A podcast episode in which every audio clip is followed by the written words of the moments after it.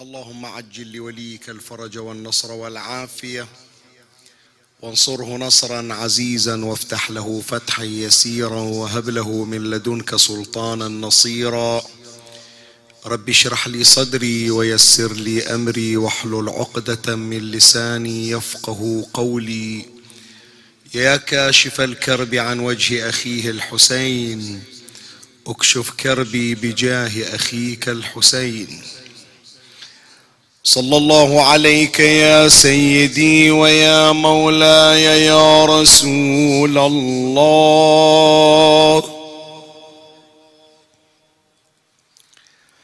صلى الله عليك وعلى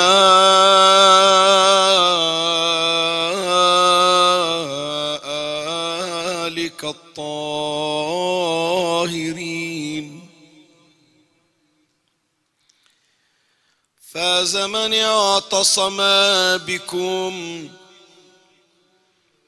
وامنا من لجأ إليكم.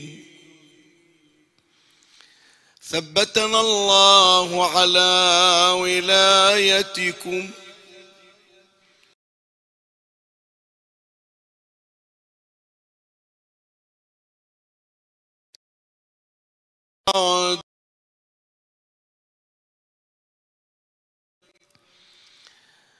اللهم صل على محمد وآل محمد وعجل فرجه.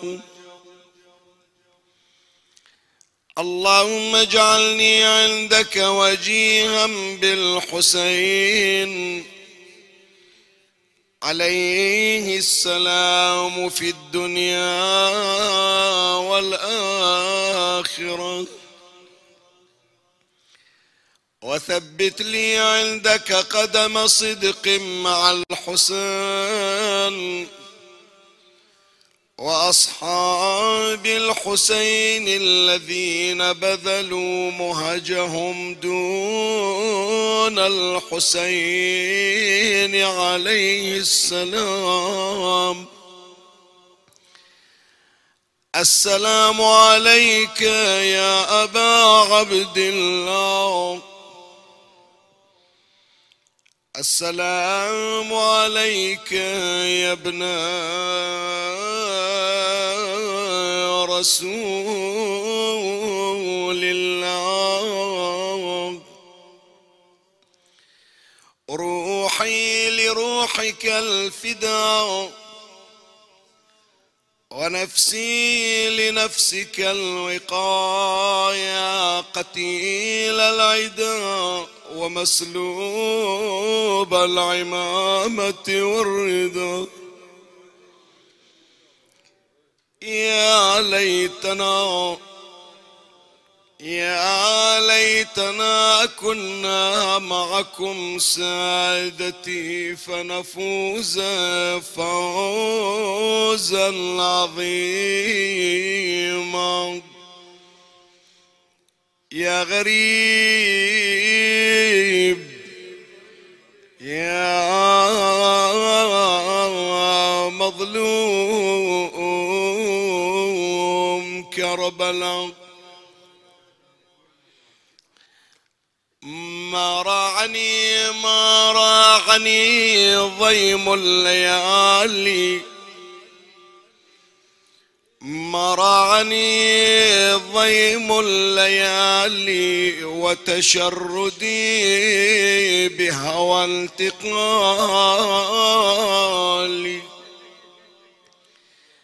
لكن مما هاجني وتظل صورته ببالي. نوح الحسين بكربلاء نوح الرجال على الرجال. ملأ البيدى بأنينه على أخي. ما راعني ما راعني ما راعني ما راعني ضيم الليالي وتشردي بهوى انتقالي. لكن مما هاجني وتظل صورته ببالي نوح الحسين بكربلاء نوح الرجال. هلا بك هذا الحسين وقد أتى محدودبا والصوت عالي.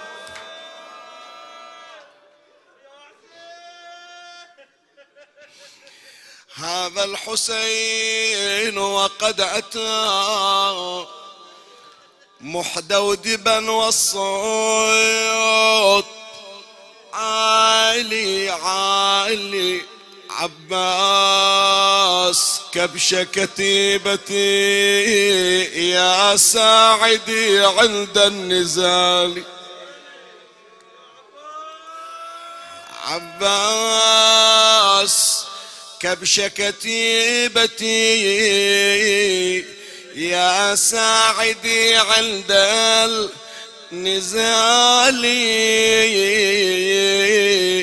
عباس يا قمر العشيرة يا أخي انظر لحالي. ضيعتني يا أبو فاضل وضيعت عيالي. إيش سويت بأخوك؟ من شفتك وشفتني ما أذيتني ما أذتني إلا طيحتك على التراب يا أخوي.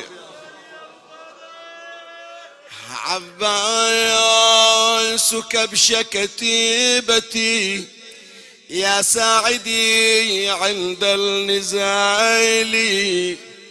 عباس يا قمر العشيرة يا أخي انظر لحالي لحالي شلون حالك أبو علي؟ أنا مفرد ومن الظماء يشكو الرضيع وكل آلي.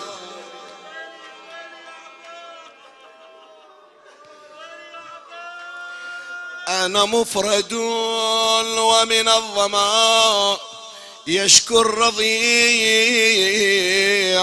وكل آلي أراك تهنأ بالبقاء وعلي هم كالجبال.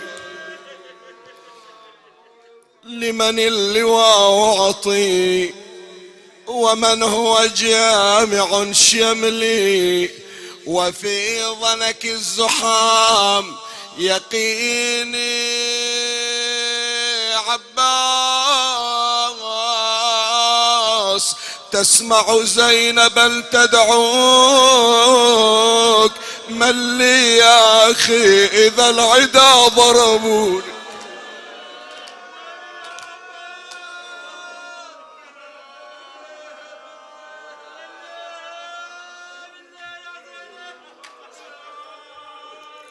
أبويا خلى إيدي بإيدك. أبويا خلى إيدها بإيدك يا أبو فاضل مو بإيدي. أبويا خلاك أنت الكفيل ما خلاني أنا. أنا ورا ساعة مذبوح أختك وين بتروح؟ عباس تسمع زينبا تدعوك من لي يا أخي. إذا العدا ضربوني ضربوني ضربوني. عباس أولست تسمع ما تقول سكينة؟ أولست تسمع ما تقول سكينة؟ شو تقول؟ عماه. عماه يوم السبي من يحميني.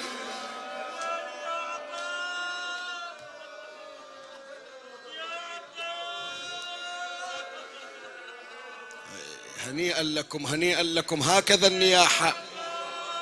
هذا يسمونه مجلس فاتحة أبو فاضل. هذا اللي الدورة أم البنين. تريد الحنة على أولادها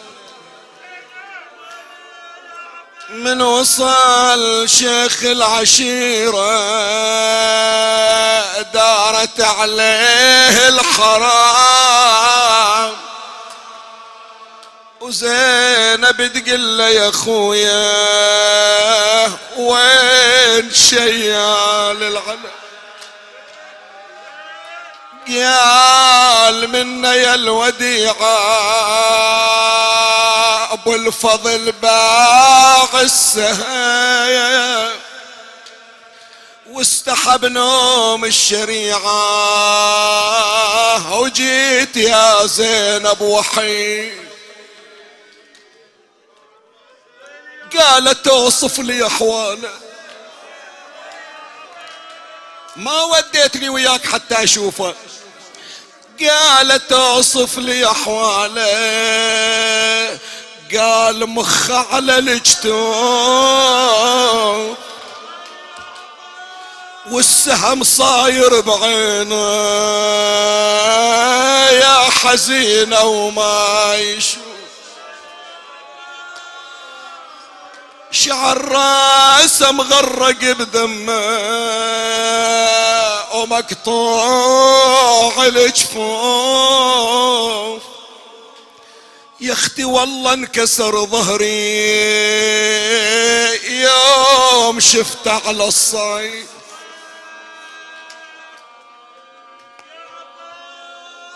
لا تشوفينا يا زينب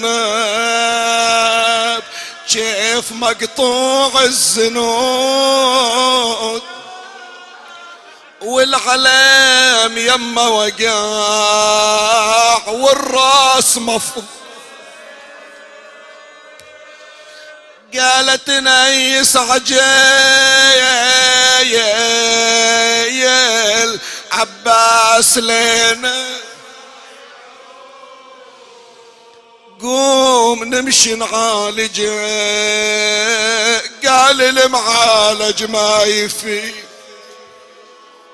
شعالج شخلي أي علاج. الراس مفتوح العين راحت الجفوف طاحت. قالت أنا وهاليتامى نروح كلنا الجثتين إلى ويش وناخذ ويانا نعاش حتى نشيل جنازة.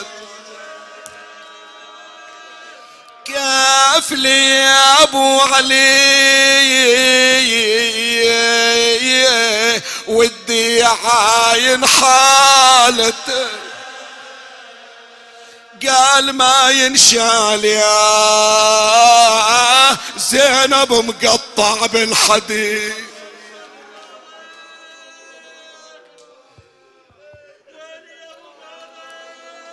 صارت قيامة في المخيمات.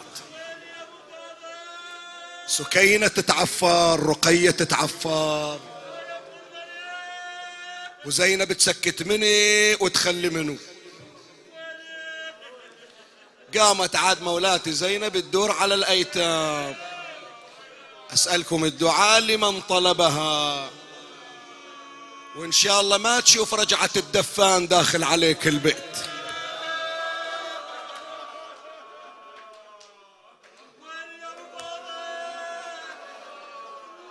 من رجع الحسين من المعركة إيد على خاصرته وإيد يسحب عمامته على الأرض.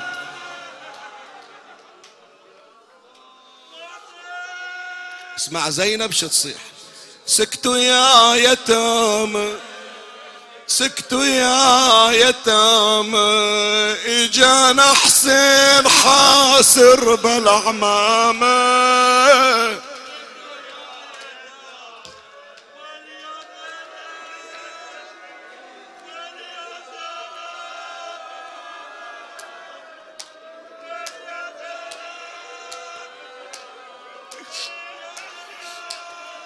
سكتوا يا يتامى سكتوا يا يتامى.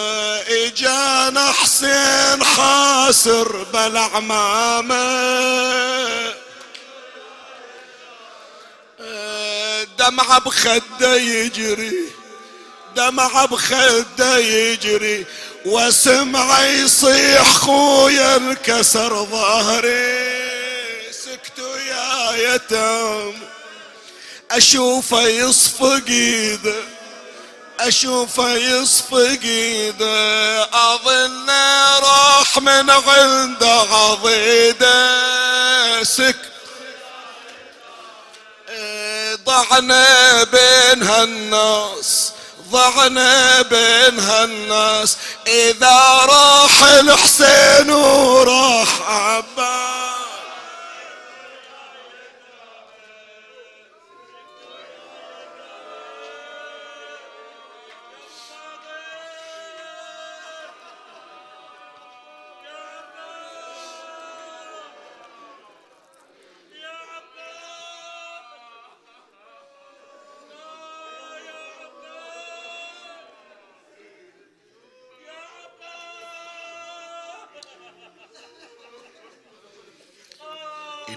لله وإنا إليه راجعون. جاء في زيارة سيدنا أبي الفضل العباس عليه السلام. لعن الله من قتلك ولعن الله من جهل حقك واستخف بحرمتك. ولعن الله من حال بينك وبين ماء الفرات. من عادتنا في هذا المجلس الشريف أنه من هذا اليوم طبعا نبتدئ بتقليل حصة البحوث والمواضيع ونراعي الاختصار حتى نعطي حق إلى المصاب أكثر وأكثر. ولا يسعنا أن نهمش الحديث عن سيدنا أبي الفضل عليه السلام. لا بد أن نتعرف على بعض من مقاماته. ففي دقائق يسيرة نشير إلى ما تتضمنه هذه العبارة من زيارة سيدنا العباس عليه السلام. نشير إلى بعض خفاياها لعلنا نتعرف على شيء من عظمة مقامه صلوات الله عليه. الملفت للانتباه وأنت تقرأ هذه العبارة حينما تمر عليك عبارة لعن الله من قتلك ولعن الله من جهل حقك واستخف بحرمتك. الملفت للانتباه أن الإمام الصادق عليه السلام يرسل اللعن أو يلعن أو يسأل من الله أن يطرد من رحمته الجاهل بحق سيدنا العباس عليه السلام ويعتبره في مقام قاتل العباس. شوف المستخف بالحرمة الجاهل للحق القاطع لطريق العباس عن الوصول إلى المشرعة. هاي ثلاثة أصناف يجمعها الإمام مع الصنف الأول وهو الذي قام بقتل أبي الفضل العباس. فكل هذه الأصناف الأربعة تستحق اللعنة من الله عز وجل. وقد واحد يقول شيخنا ليش خو القاتل مو نفس الجاهل للحق والمستخف بالحرمة؟ أو على الأقل هذا اللي منع العباس من أن يصل إلى الماء ماء الفرات بس ما تسبب بقتل العباس ما قام بعملية قتل العباس ما نفذ جريمة اغتيال العباس. فليش الإمام يلعن هذا ويلعن ذاك؟ واللعنة مشتركة بينهم. فإحنا حديثنا سريعا سيكون في مرحلتين. أما المرحلة الأولى نتعرف على بعض مو كل بعض من حق أبي الفضل العباس عليه السلام. الحق الذي إذا تعمد أحدهم أن يتجاهله فإنه بحكم قاتل أبي الفضل العباس عليه السلام. يلعنه الإمام الصادق عليه السلام كما يلعن القاتل. شنو هالحق هذا؟ وليش الجهل بهذا الحق والتجاهل لهذا الحق والاستخفاف بحرمة صاحب هذا الحق تعادل عملية اغتيال صاحب الحق؟ هذا في المرحلة الأولى. المرحلة الثانية شنو سر الحيلولة؟ تذكر هالكلمة يعني أستخدم المصطلح العلمي وأفسره حتى يعرفون أولادنا ويعرفون إخواننا. لعن الله من حال بينك وبين ماء الفرات. حالة يعني مأخوذ من الحيلولة المنع يعني. زين شنو سر هذا منع الماء اللي يوصل إلى درجة اللعن ويعادل بالقتل؟ سريعا أشرح تفاصيل هذا الفهرس أما المرحلة الأولى فإن من أهم حقوق أبي الفضل عليه السلام أن تعلم مقام الصديقية عنده. فإن أبا الفضل صديق من الصديقين. ولا بد أن تعامله ليس على أنه رجل عسكري أو رجل معروف بالشجاعة فحسب وإنما هو رجل صديق لا يتخلف عن الصديقين الذين كانوا في أزمنة الأنبياء والأوصياء صلوات الله عليهم. ومن حقه علينا أن نعترف بهذا الأمر ومن حقه علينا أن نقر بهذا الأمر. وأنت حينما توفق إن شاء الله لزيارة أبي الفضل فإنك حينما تقرأ زيارته الشريفة صلوات الله عليه فإنك تقول إني جئت من بلدي إليك أزورك وأنا أقر لك بهذا المقام أنك صديق من الصديقين كالصديقين الذين كانوا في عهد الأنبياء وعهد الأئمة إن لم تكن أنت من أعلاهم درجة وهو الواقع. مر عليك إحنا ذكرناها في سنوات سابقة. المشاهدات الوجدانية رؤيا سلمان المحمدي يقول بأن ما وصلت إليه في الدرجة العاشرة من الإيمان وفقني لأن أكون خادما عند أبي الفضل العباس عليه السلام. سلمان وما أدراك. لا يصل إلى شأو أبي الفضل عليه السلام. ليش تقول لي سلمان مهما بلغ لكن لم يسأل علي بن أبي طالب ربه أن يشد أزره بسلمان. لكن الحسين عليه السلام شد الله أزره بأخيه أبي الفضل. مقامات العباس لا يمكن أن يتصورها عقل ويحتاج إلى توفيق لنيل رشحات من فيوضات هذه الأنوار. فإذا مقامات الصديقية شلون توصلنا إلى هذا الأمر؟ أن العباس صديق. واحدة من الأمور اللي هي تعد من الأدلة الصديق لا يغسله إلا صديق. وتغسيل الإمام الحسن عليه السلام كريم أهل البيت كان بين الحسين عليه السلام وأبي الفضل العباس عليه السلام. استفاد العلماء أنه باعتبار أن المعصوم لا يمكن لأحد أن يتولى غسله إلا أن يكون قد وصل إلى مرتبة الصديقية. فلما أذن الحسين لأبي الفضل أن يدخل ليكون شريكا معه في تغسيل أخيه استفاد العلماء أن هذا الإذن هو إخبار بصديقية أبي الفضل عليه السلام. إضافة إلى أن القصة التي دائما تمر علينا وهي قصة رؤيا أم البنين عليه السلام لأبي الفضل العباس أو بشارة أم البنين بقدوم القمر والنجوم الثلاثة. خطبة عقيل لأم البنين. يا عقيل اخطب لي امرأة ولدتها الفحولة من العرب. ليش؟ لأصيب منها غلاما. يكون وناصرا لولدي الحسين في طف كربلاء. هذا المعنى يا أحبائي أن الأمير المؤمنين ادخر على العباس عليه السلام.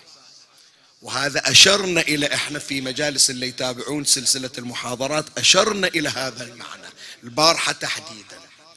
الحسين عليه السلام وكل نبي وكل وصي إذا أراد أن يقدم شيئا كقربان إلى الله تبارك وتعالى. خليها في بالك. فإنه يختار أثمن ما عنده.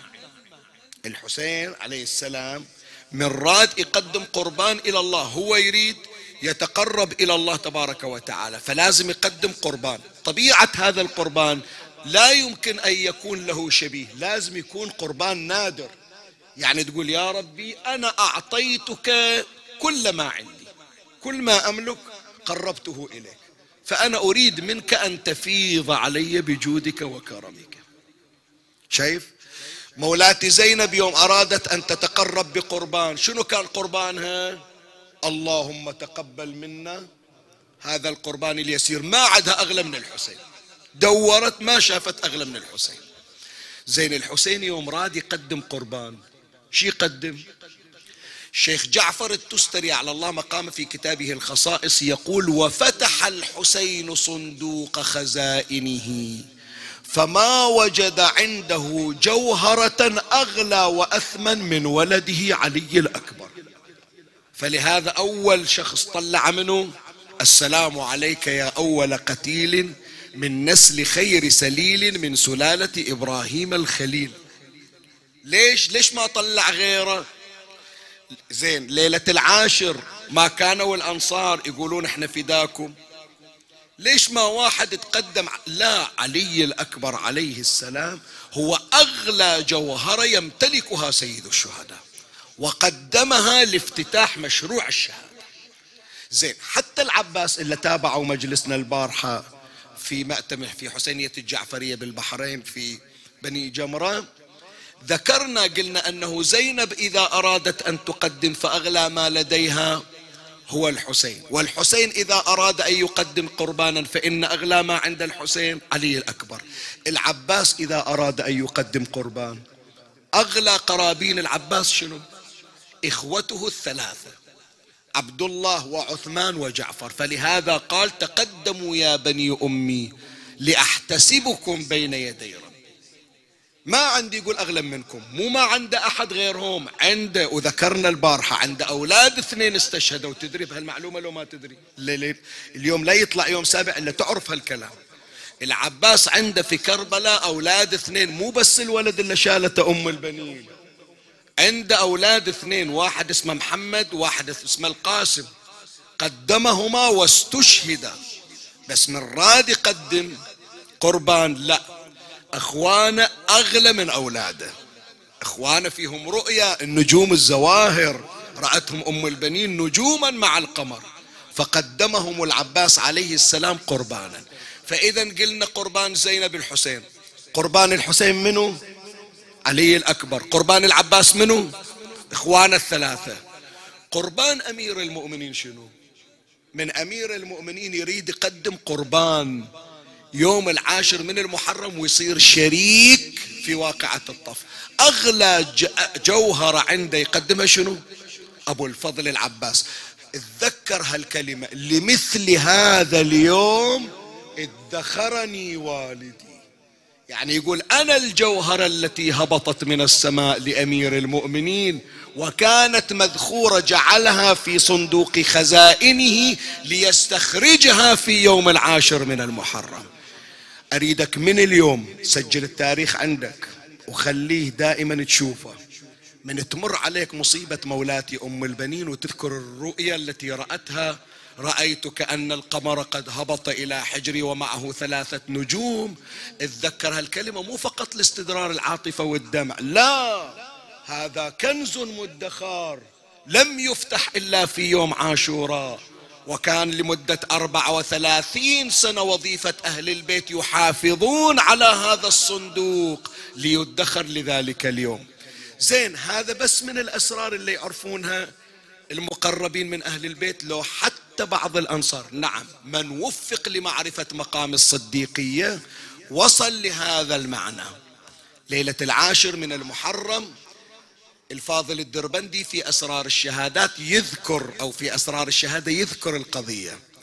شوف تبين القضية مو بس عند مولاتي زينب حتى عند الأنصار المقربين. لما رجع أبو الفضل العباس من لقائه بشمر الضبابي زهير بن القين استوقف العباس. قال له أبو فاضل أوقف عندي حكاية وياك. خطب عمك عقيل لأبيك علي. امرأة قال له أبوك اخطب لي امرأة. ولدتها الفحولة من العرب. نفس القضية اللي قالتها الحوراء زينب. أثاري هي الذخر هذه يعتمدون عليها. مو مرة مرور الكرام. لأصيب منها غلاما يكون ناصرا لولدي الحسين في أرض كربلاء. فيا أبا الفضل الله الله في هذه الحرائر. يقولون فتمطأ أبو الفضل في ركابه حتى قطعه. قال يا زهير أيقال لي هذا؟ لمثل هذا اليوم ادخرني والدي. يعني أنا مو ما أعرف أعرف ومو ماخذين هالقضية مجرد سيرة تاريخ فقط للتلذذ والتنكه لا.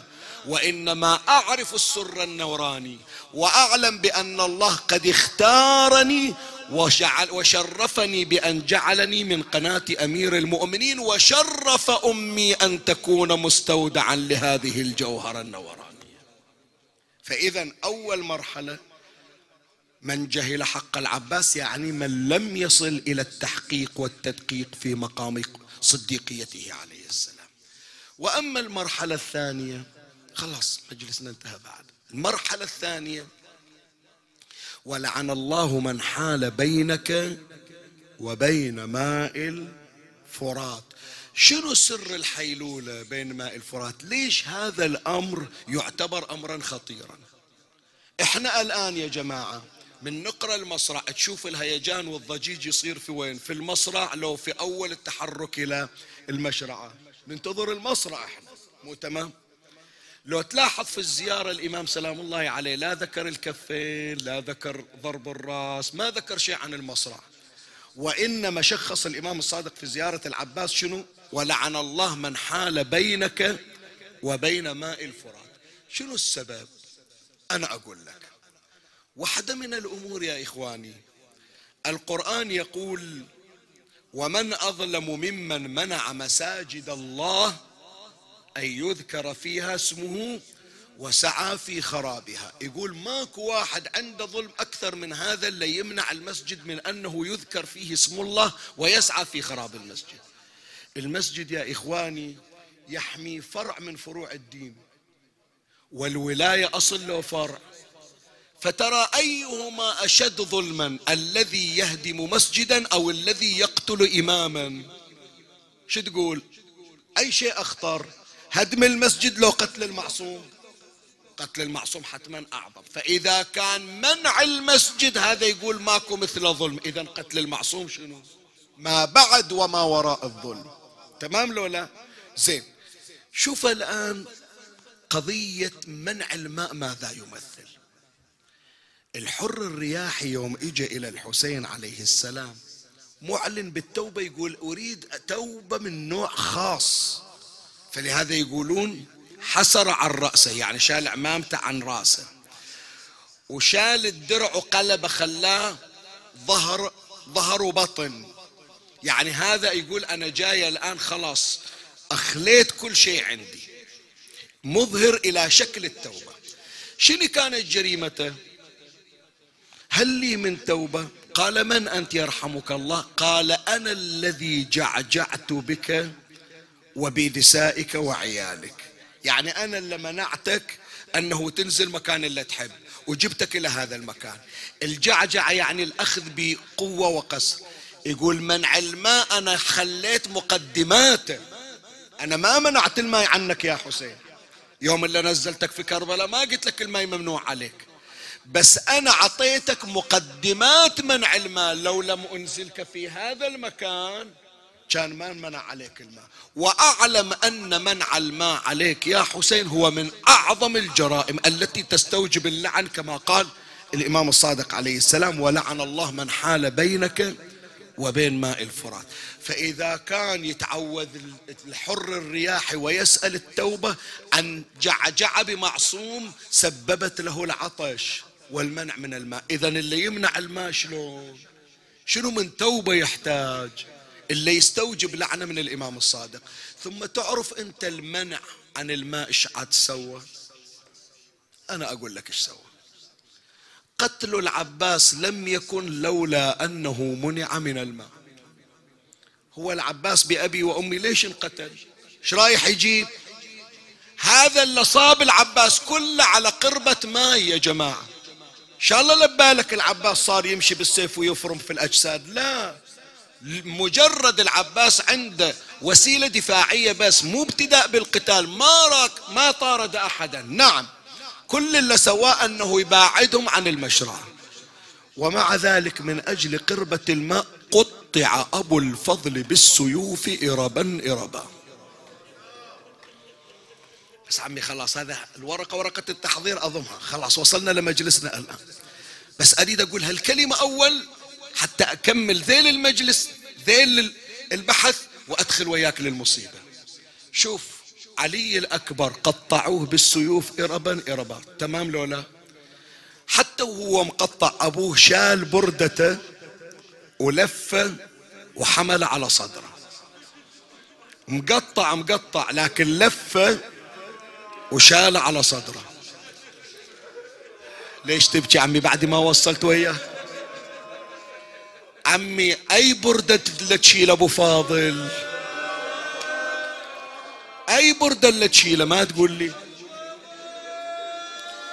تدري واحدة من أسباب عدم رفع أبي الفضل ما ينشال كان علي الأكبر اللي تسمع عنه مقطع إربا إربا ينشال العباس ما ينشال. ليش ما ينشال؟ انت تقول لي هي غير كفين وضربة على الراس وسهم؟ لا عمي. خففوا عليك خايفين على قلبك. يقول المحقق الشيخ الكعبي رضوان الله عليه العباس يوم طاح صح بهذه الكلمة أخي حسين ادرك أخاك. كلمة الإدراك متى واحد يقول لواحد ادركني الإدراك يقول مع قلة الحيلة إذا ما يقدر يسوي شيء ما يقدر إذا شاف نفسه ما يقدر يسوي شيء يصيح دركوني يعني ما أقدر أسوي شيء. زين شنو من حيرة كانت عند العباس؟ شنو من قلة حيلة كانت عند العباس؟ لما وقع على الأرض بلا كفين ذول اللي كانوا ما يقدرون يدنون من العباس كلهم انقضوا على العباس. ضربا بالسيوف طعنا بالرماح رشقا بالحجارة رميا بالسهام. اشتغلوا عليه اشتغلوا عليه تقطيع اشتغلوا عليه تقطيع. زين ليش العباس ما يدافع؟ هذه تمرد قلبك الله يساعدك. ليش ما وقف يدافع؟ إذا واحد الله لا يراويك إذا واحد طاح على وجهه حتى يقوم شي يسوي؟ يحط ايدينه ويوقف. تقوم دور له جفوف حتى يعرف يقعد. دور له كفين حتى يعرف يقعد ويثبت نفسه ويقوم يدافع عن روحه. فلا يستطيع النهوض وذولا واقفين عليه يقطعونه. لا يقدر يدافع عن نفسه. تحير الله لا يحيرك. فلهذا استعان بالحسين. صاح أخي حسين ادرك أخاك. شوف هالحالة اللي مرت عليه كلها بسبب قطع الماء عليه لو فاتحين للعباس طريق الماء أخذ الماء ورجع ما صار العباس في مثل هالحالة. فلهذا العب فلهذا إمامنا الصادق لعن من تسبب في مقتل أبي الفضل العباس. بعد يوم منع الماء. يوم منع الماء إيش صار. هذا طفل لم يدر ما الغاية ولم يأتي بجناية. ما ضركم لو سقيتم؟ فلقد جف اللبن في صدر أمه. لو جاب أبو فاضل القربة كان ما وقف الحسين شايل الطفل على صدره. وإن كان ما يجى سهم ذبحه من الوريد إلى الوريد.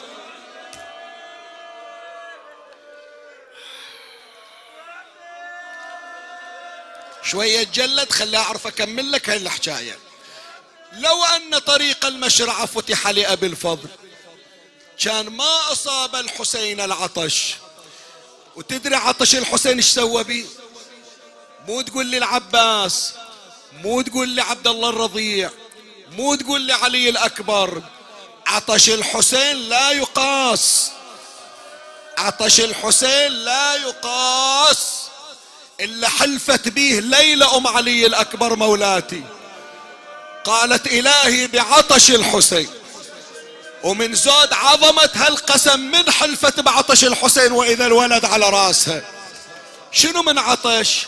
أنا أقول لك. بس لا تشغلني بصوتك. يقول الشيخ التستري في الخصائص أثر العطش في عين الحسين. يعني سطى العطش إلى العين. فصار الحسين يرى بينه وبين السماء كالدخان من شدة العطش. وين أثر أثر في لسان الحسين. فصار لسان الحسين كأنه الخشب اليابسة. وفي بعض النقولات التاريخية صار لسان الحسين كأنه شقة مبرد. بعد وين أثر العطش أثر في جوف الحسين. فصار الغبار يدخل إلى جوفه ويخرج. ماكو نداوة جسم الحسين ناشف. بعد أثر العطش في كبد الحسين. فصاح وحق جدي. أنا عطشان. أسقوني شربة من الماء فقد تفتتت كبدي من الشدة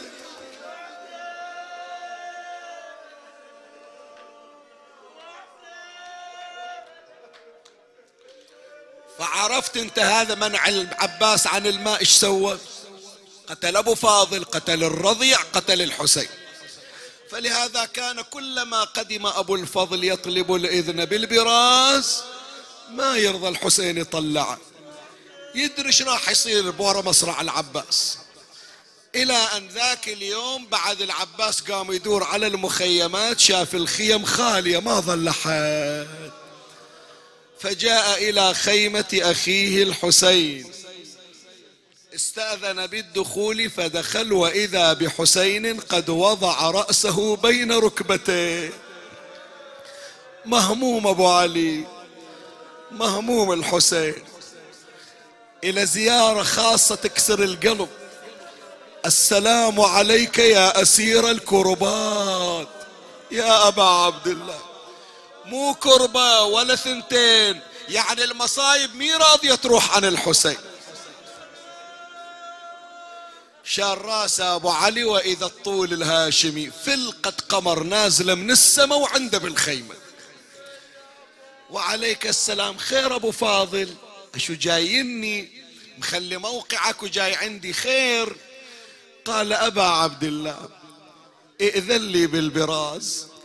فقد ضاق صدري وسئمت الحياة. إيش دعوة أبو فاضل 34 سنة عمرك؟ شفت من الحياة؟ شفت من الدنيا؟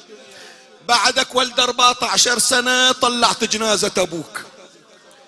بعدك ولد 24 سنة شايل جنازة وسبعين سهم فيها. 34 سنة مليت الدنيا. ليش سيدي؟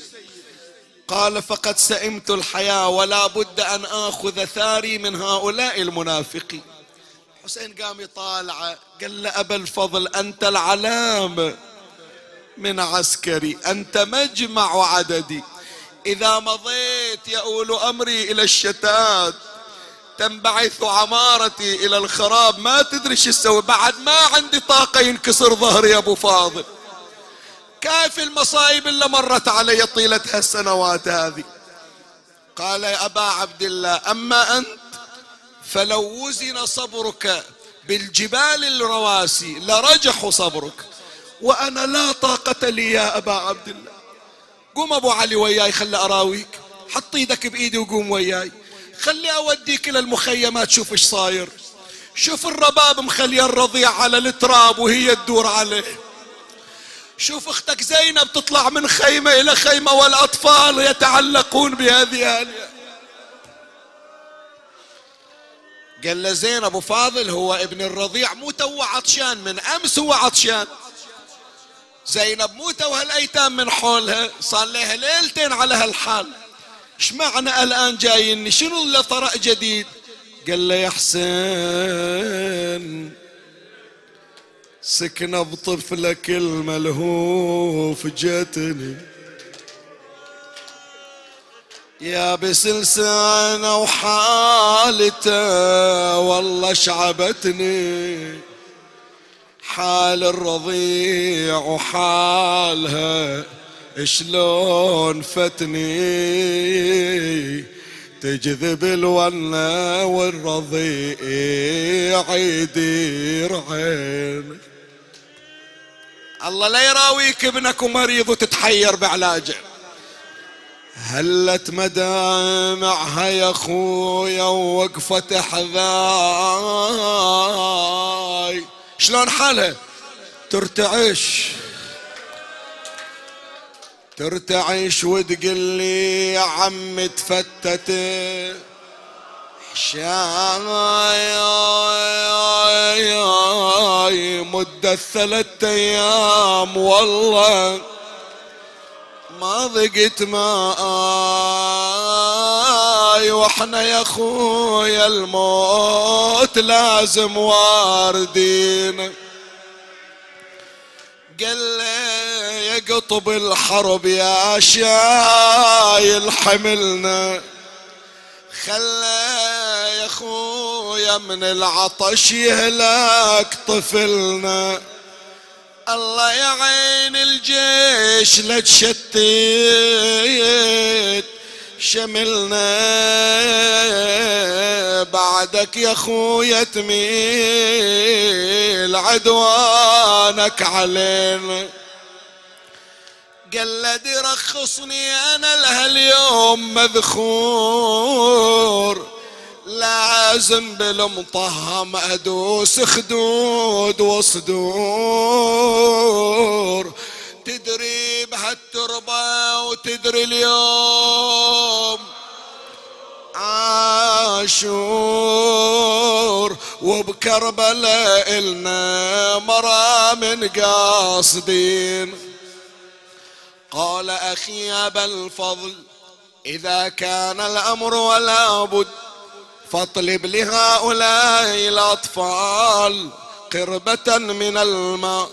فلما سمع أبو الفضل تبسم تناول قربته وأخذ العلم الأخضر وضع القربة على عاتقه شخص ببصره نحو السماء. قال اللهم إني أريد أن أعتد بعدتي وأملأ لهؤلاء الأطفال قربة من الماء ثم صعد على ظهري جوائده. وتوجه إلى جهة المعركة تبردك فوق مهرة وصاح يومي. وصاح لزانت على الخيل حومي. رفها وقال للرايات قومي عن دربي وصير ذياه بالبر تموج الخيل. عفية تموج الخيل من يجبل عليها لكن الخيل أبو الحسنين بيها ذب هذا ورا هذا بديها مساميها ورمحاي يلحق الفر.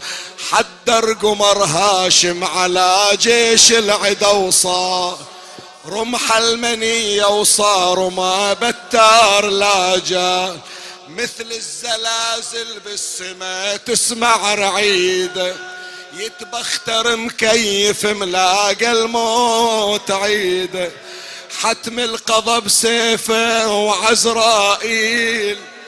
بيده ضيق فضاها والعساكر شافت اهواه شعت جبينة وصار ما تذهب بالأمصار ومن حملته ذاك الجمع مثل الرحادار. صاحت طفوف الغاضرية وصاحت النار بس امتليت أغمد البتارك يا سردار. عيون المسامي من ظهور الخيل تشلع كم حيد مدرع خطف والعسكر تضعضع. كل ما تلايم غيمها نوره. تشعشع فرت وحتف الموت يلقط وين الأبطال. فرت وظنت حل عليها نافخ الصور. تطلب الملجأ والرمح يلعب بالصدور والشمس تتوقد وقلبه من الظما يفور. وتذكر سكينه وأخوها وللنهر ما. وين حسين وحسين لازم مركزه وتجري دموع. يشوف نسف جيش العدا واخلى جموع. طلعت مريبة تنتظر زينب. وين يرجع بعد؟ طلعت مريبة تنتظر زينب. رجوعا تصيح الكفيل ابطاع عساه يعود خيا. قالها يا زينب للنهر حول بجود. واخلى ملازمها عسات عافية. دخلي الخيمة وطلبي من الله. يعود خيج تراه والذي الأطفال ظلا مط أبو فاضل على الراية وحملها. هزها وطنها وفي صدور القوم فلها. حول على الجيمان والعسكر. ذهلها والشام زلزلها بصولة حيدري. اسمي أنا المعروف في كل الوقايع لازم أخلي الخيل توصل للشرايع.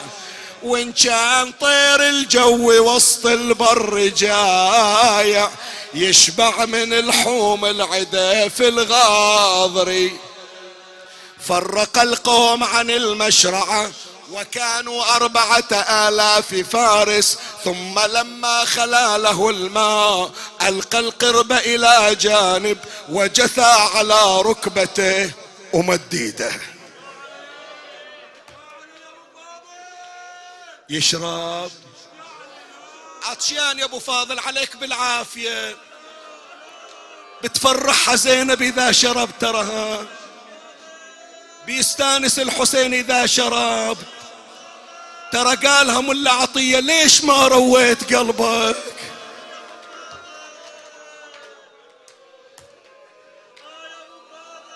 ليش ما تشرب أبو فاضل؟ قالوا هالحرمة اللي أشوف صورتها في الماي. إلا كل ما أشوف الماي أشوف صورتها قدامي. مني هذه اللي تشوفها؟ تقلب ترباتك سهرة الليل ويا. كل علشان حسين هالتعب على ربك. أقسم عليك بدر لبن صدري. الغذاك لا من دخلت المشرعة لا. خاض الماي بس هيس هيس بورده.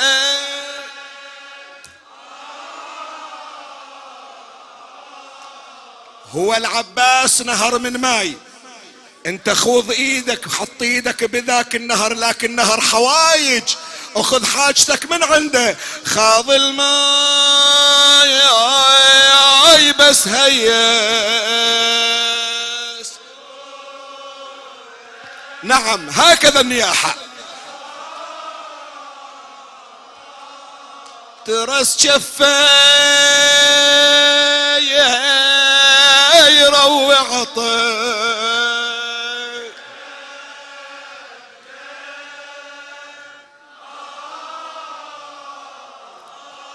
تذكر لأن أخوه حسين بعد ذب الماي من جفه وتحسر شلون أشرب وأخوي حسين يا أبا عبد الله. وسكنه والحرم وأطفال. رضعان وظن قلب العليل اشتعل.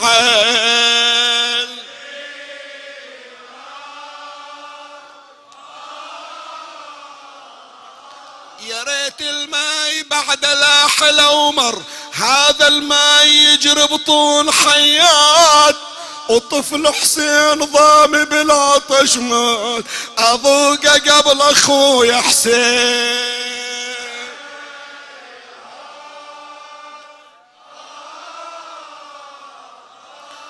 ظل بالظما ساق العطاشة وطلع بالجود والدرب بينه وبين أخوه حسين مسدود. بيها سطا وسيفه ورمحه بروق ورعود والروس تمطر والدموم تقول طوفان. وكريت ناخ الجيش وحسين انت خوصال عباس باليمنى وابو سكنة. وصبوا على العسكر من الصوبين زلزال والكل قصد خية ورفيف العلم نشان شو صف عايلهم بهالكوفان الاثنين؟ جنها زلازل نازلة على الجيش صوبين؟ شنه الزلازل من عزم؟ عافت ملازمها وخلت حومة الميدان. شمس النبوة وقمر هاشم يوم عاشور؟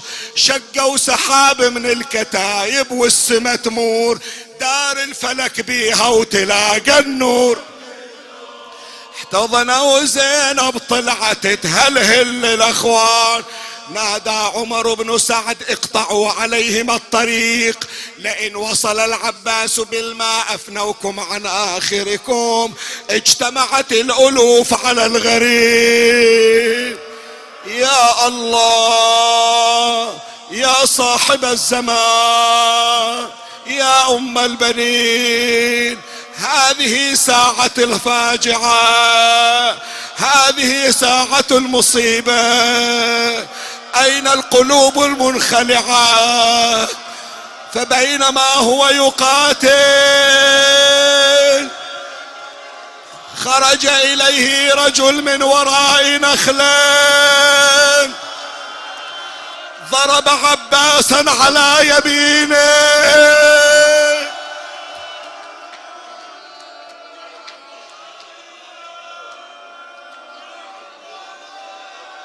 تناول سيفه بالشمال فبينما هو يقاتل أقبل حكيم بن الطفيل ضربه على شماله.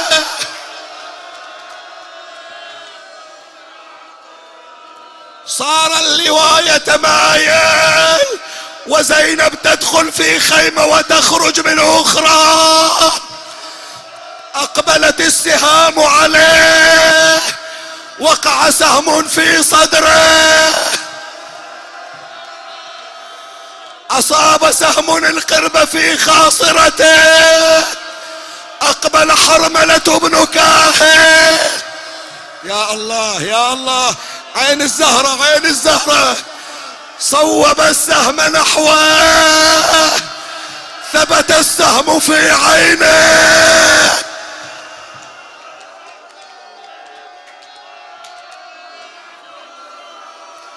أخرج رجليه من الركاب وضع السهم بين ركبتيه طأطأ العباس برأسه وقعت العمامة أشرق النور أقبلوا بعماد ضربوا العباس على رأسه.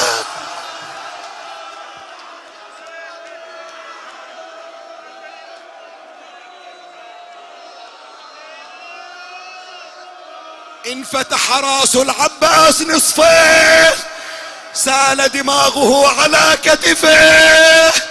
تمايل أبو الفاض سقط إلى الأرض غاص السهم في راسه.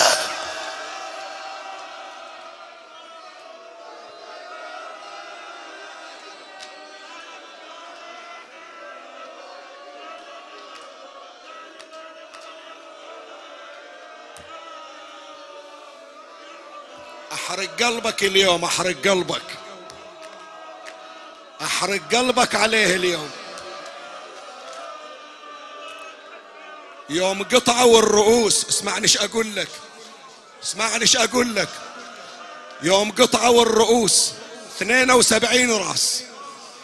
جابوا راس علي الأكبر ركبوه على الرمح. جابوا راس القاسم ركبوه على الرمح. جابوا الرؤوس حطوها على الرمح. حتى رأس الحسين على الرمح. جابوا راس أبو فاضل. الرأس مفتوح. كلما وضعوه ما يركب. علقوه في لبان الفرس. كلما مشت الفرس ركلت راس العباس.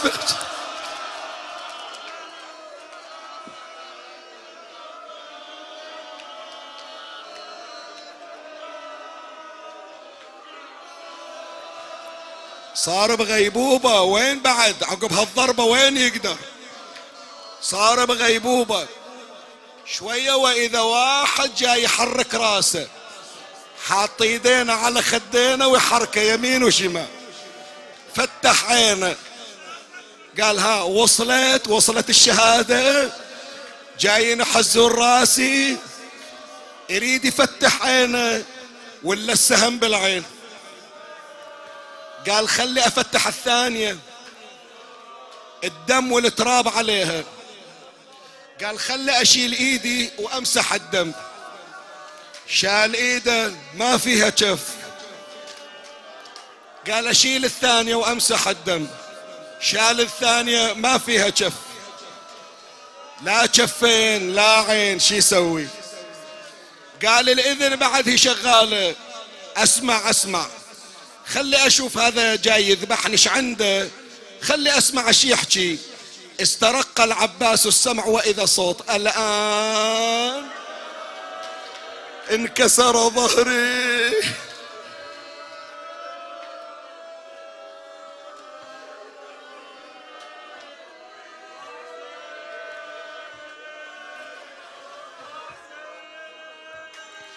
قال هذا منو اللي انكسر ظهره علي؟ عدو ما ينكسر ظهره عدو شامت. انت منو يلي قاعدت وين قال أنا أخوك. حسين جاي من عندي. مخلي زينب وجاي إلي أنا الخادم. تارك المخدومة وجاي للخادم قاعد عند راسه. قال له ضاعت المخدومة يا أبو فاضل ضاعت.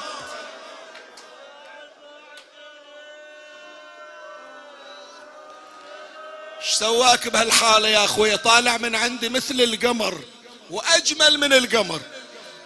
الآن إيش صاير بهالحالة؟ إيش سواك بهالوضع؟ وين يأذيك؟ ما تخبرني. خبرني إيش صار عليك حتى صرت بهالحالة. قال أسولف لك أبو علي أسولف لك.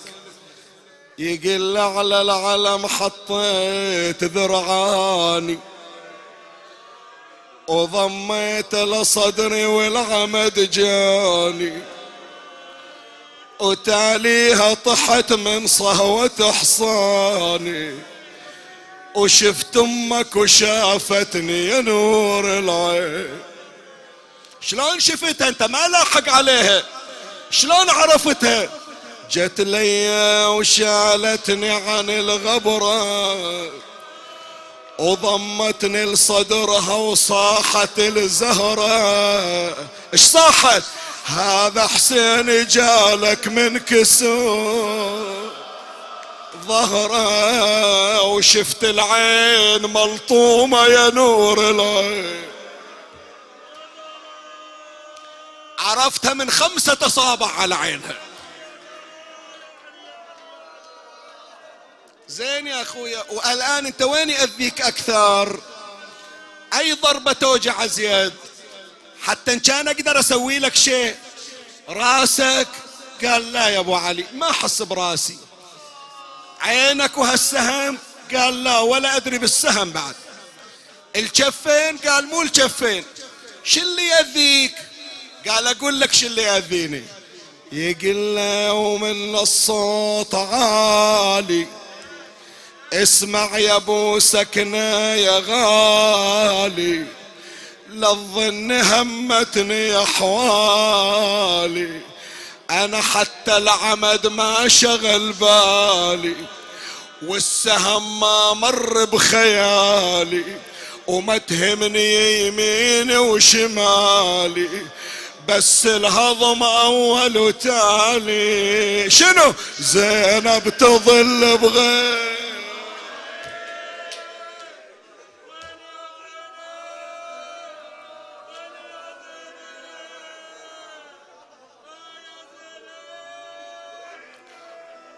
ما يدوخ يريد يغمى عليه خايف عليه الحسين يموت. يقوم يسولف وياه. عادة هالشكل في وقت الإنعاش يخافون على هذا لا يغمى عليه ويفقد روحه. فالحسين يسولف وياه. في آخر لحظاته كان الحسين يسولف ويا العباس. يقول له أبو فاضل احكي وياي لا تسكت. يشوف دموعه تسيل مخلوطة بالدم. شي بتشيك أبو فاضل؟ قال له والله يا أخويا أكو حسرة بقلبي. مضمومة أربعة وثلاثين سنة. في الأعياد والمناسبات ومن ندخل عليك كل أخوانك يحضنونك. إلا أنا. كل ما أريد أضمك لصدري وأقبلك مثل بقية إخواني. أمي أم البنين تقول لا هم أخوانا أنت خادم.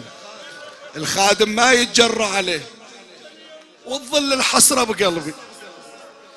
وخلصت حياتي يا أبو علي ولا حضنتك ولا ضميتك. قال له اسم الله عليك أبو فاضل لا يصير بخاطرك. الآن تحضني وأحضنك. قال أحضنك بويش عندي جفوف اضمك بيها؟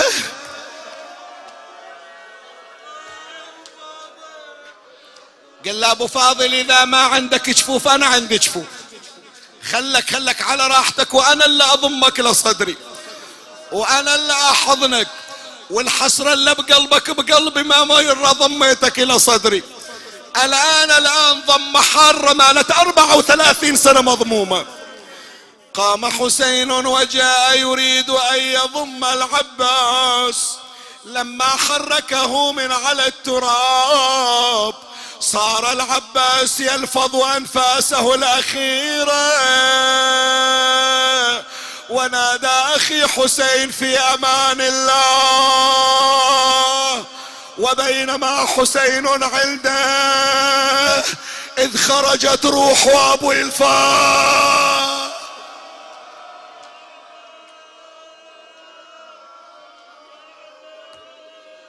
راح راح يا أبو علي راح. القمر راح ظلمت الدنيا عليك يا حسين. القمر اللي ينور لك خيامك راح يا أبو علي. قام حسين محنية ضلوع مثل صب المطر صبت دموع. طلعت صار خزينة ببروعه تقل طاح أخوك وجيت عنه. يقل لها يا زينب راح عباس وراح العضيد اللي يرفع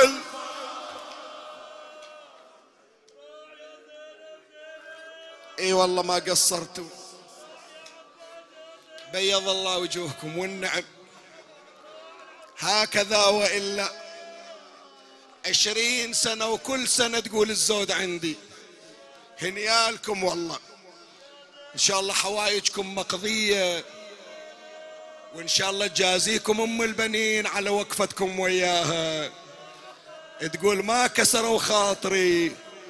أنا هناك في البقيع ما عندي فاتحة على ولدي. فاتحة ولدي حطوها في مجالسهم بالبحرين وغير البحرين. بس مسك الختام. رجع حسين وهو يجر عمامته وقد انحنى ظهره. وهكذا قالوا يكفكف دموعه بمنديله. وتو موصل ولا وحدة طالعة من الخيمة؟ كأنها فاطمة الزهراء. هيمني زينب هذه.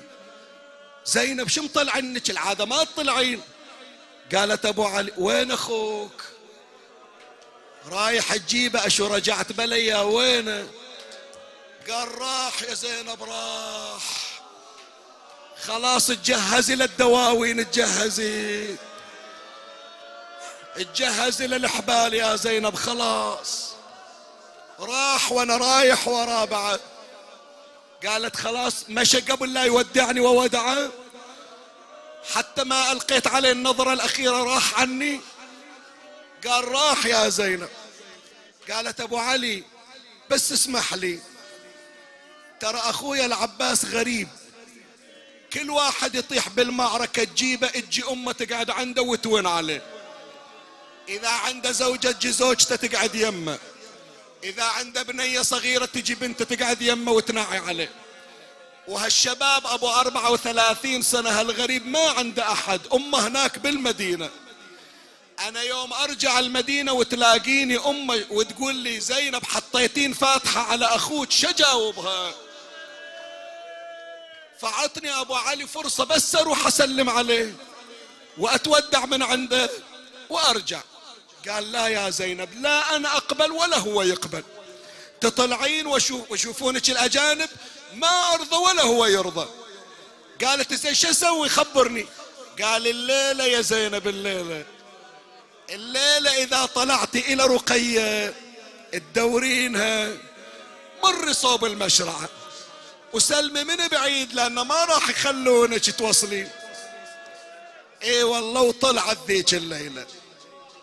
من بعيد صاحت أسولف لك يا خويا لو بعد كافي.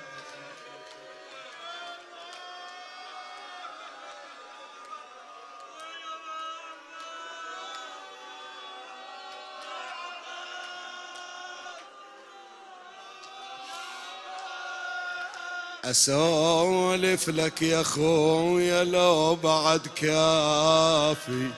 اسولف لك إيش سوى الصوت بجتافي.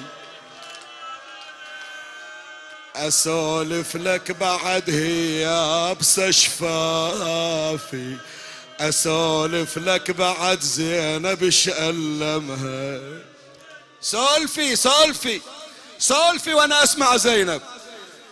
أسولف ضيم قلبي وأحكي يا لامه وخافا من أسولف تضرب الهامة شنو؟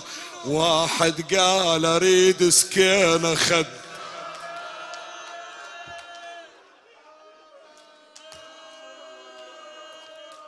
كل شلة سكينة لا تجيبين طاريها. ترى ما طلعتني إلا هي سكينة رايح أجيب لها ماي. لا تقولين انضربت. سكتي ذبحتيني زينب. حكيك أعظم من السهم اللي بعيني. قالت راح أسكت لكن أول اسمع هالخبر. لا يضم بقلبي وأموت. خليني أسولف خويا خليني. أكو موقف يا أبو فاضل مأذيني. شنو؟ إجا واحد يا أبو فاضل سطر عيني.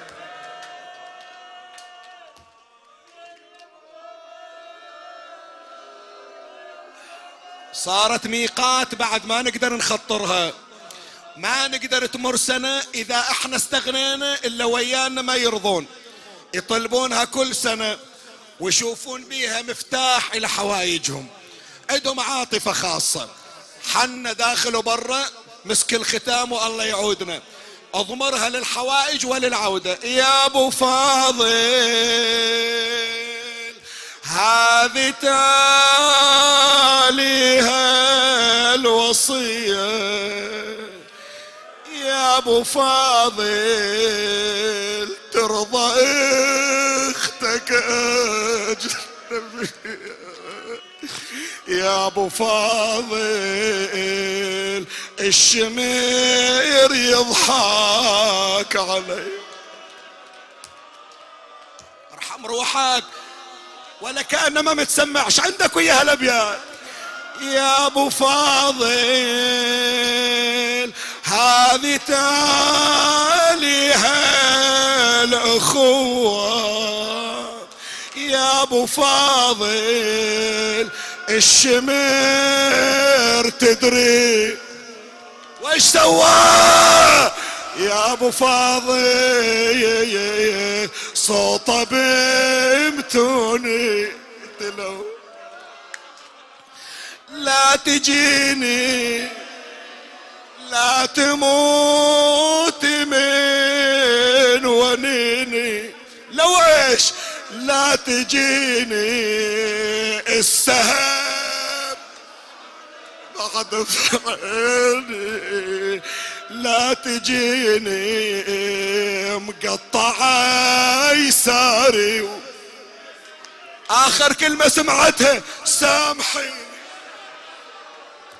سامحيني. قصرت يا أختي معاك